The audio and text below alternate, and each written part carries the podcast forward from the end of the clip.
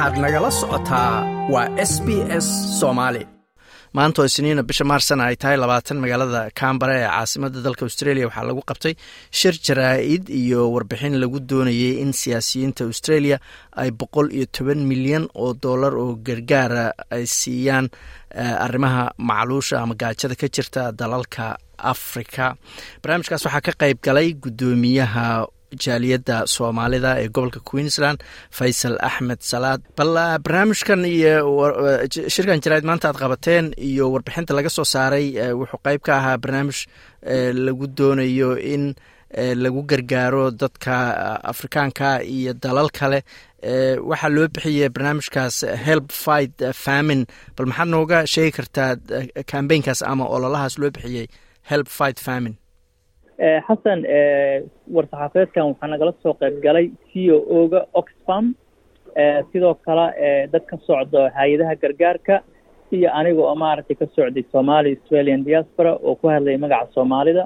oo maaragtay xaqiijinayay baahida xagga ka jirta in ay saameyn ku leedahay dadka iyaga halkan ku neel ee soomaalida. Ah sidaad og tahayba dalalkan east africa ee ka mid tahay soomaaliya ethoobiya iyo kenya maalmihii u dambeeyey waxaa ka jiray abaaro xoogan oo maaragtay saameyn ku yeeshay dadweynaha halkaa degan marka barnaamijkan wuxuu maaragtay ka asal ah in maaragtay loogu aruuriyo lacag gargaar ah oo maaragtay lagu kabo dadka ay saameysay baahida ka jirto geeska africa khaasatan soomaaliya ethoobiya iyo kenya. Marka cambaynkan wuxuu ahaa cambayn ay maaragtay hay'adahan arrimaha bini aadanka ka shaqeeyaan ay isugu yimaadeen oo ay ku xoojinayaan in shacabka australia iyo dowladda australiaba ay dhaqaalo kaga qaadaan si loo gargaaro dadka ay saameysay abaaraha iyo baahida jirto ee xaggan geeska africa waa gartay marka shirka jaraa-id iyo warbixinta waxaa qeyb ka ahayd in la leeyahay shacabka australia aqlabiyadooda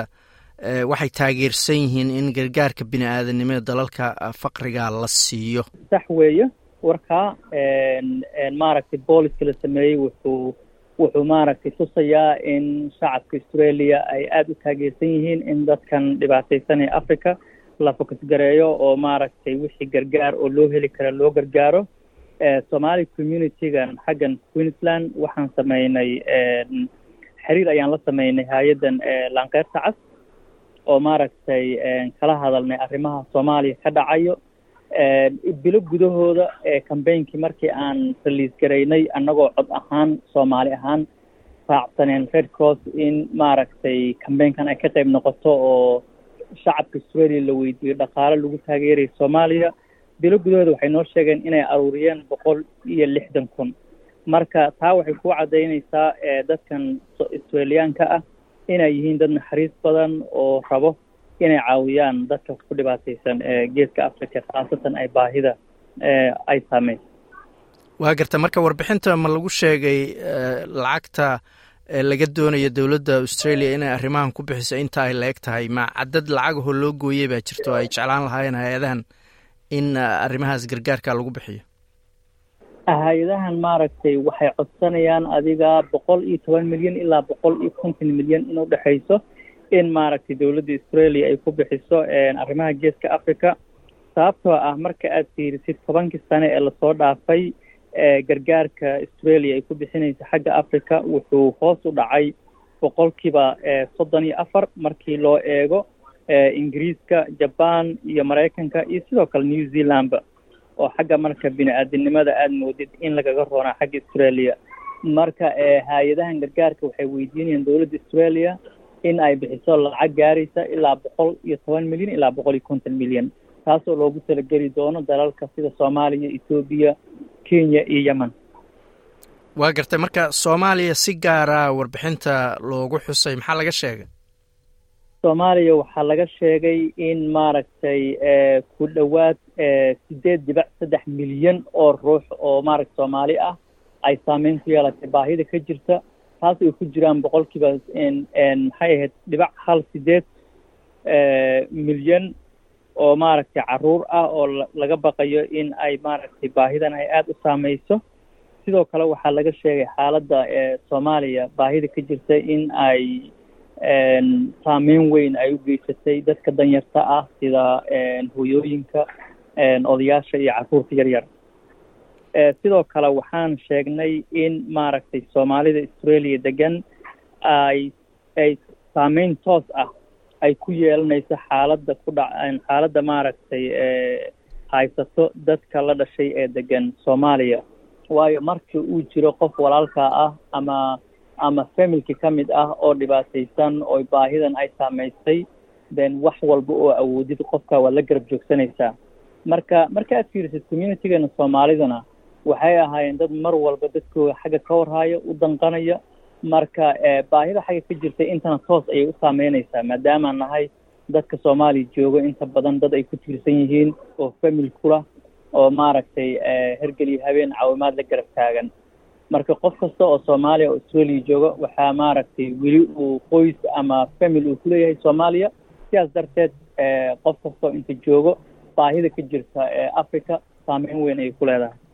Waa gartay. Marka maanta markaad cambara ku qabateen shirka jaraa-id warbixintana aada soo bandhigeyseen yaad siiseen warbixintan maxaadse ka filaysaan jawaabta dowladda inay noqoto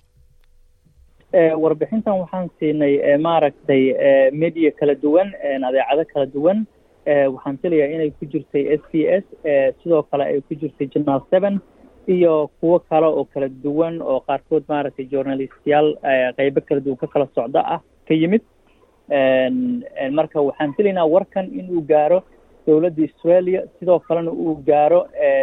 shacabweynaha australia oo maaragtay u dhega nugul ama kan dhaqanayo dhibaatooyinka bini-aadaniga ah ee ka jira geeska africa marka ujeedka laga lahaa waxa weeye inay dadka ay ogaadaan maadaama la xaqiijiyey dadka australia inay yihiin dad maaragtay xadirkan la joogo u dhiiran una soo jeedo inay qeyb ka noqdaan dadaalka lagula jiro in lagaga hortaga baahida geeska africa ka jirto. Sidoo kale press conferencega ama war-saxaafadeedkan marka uu dhammaaday waxaan la kulmay guddoomiyaha baarlamaanka australia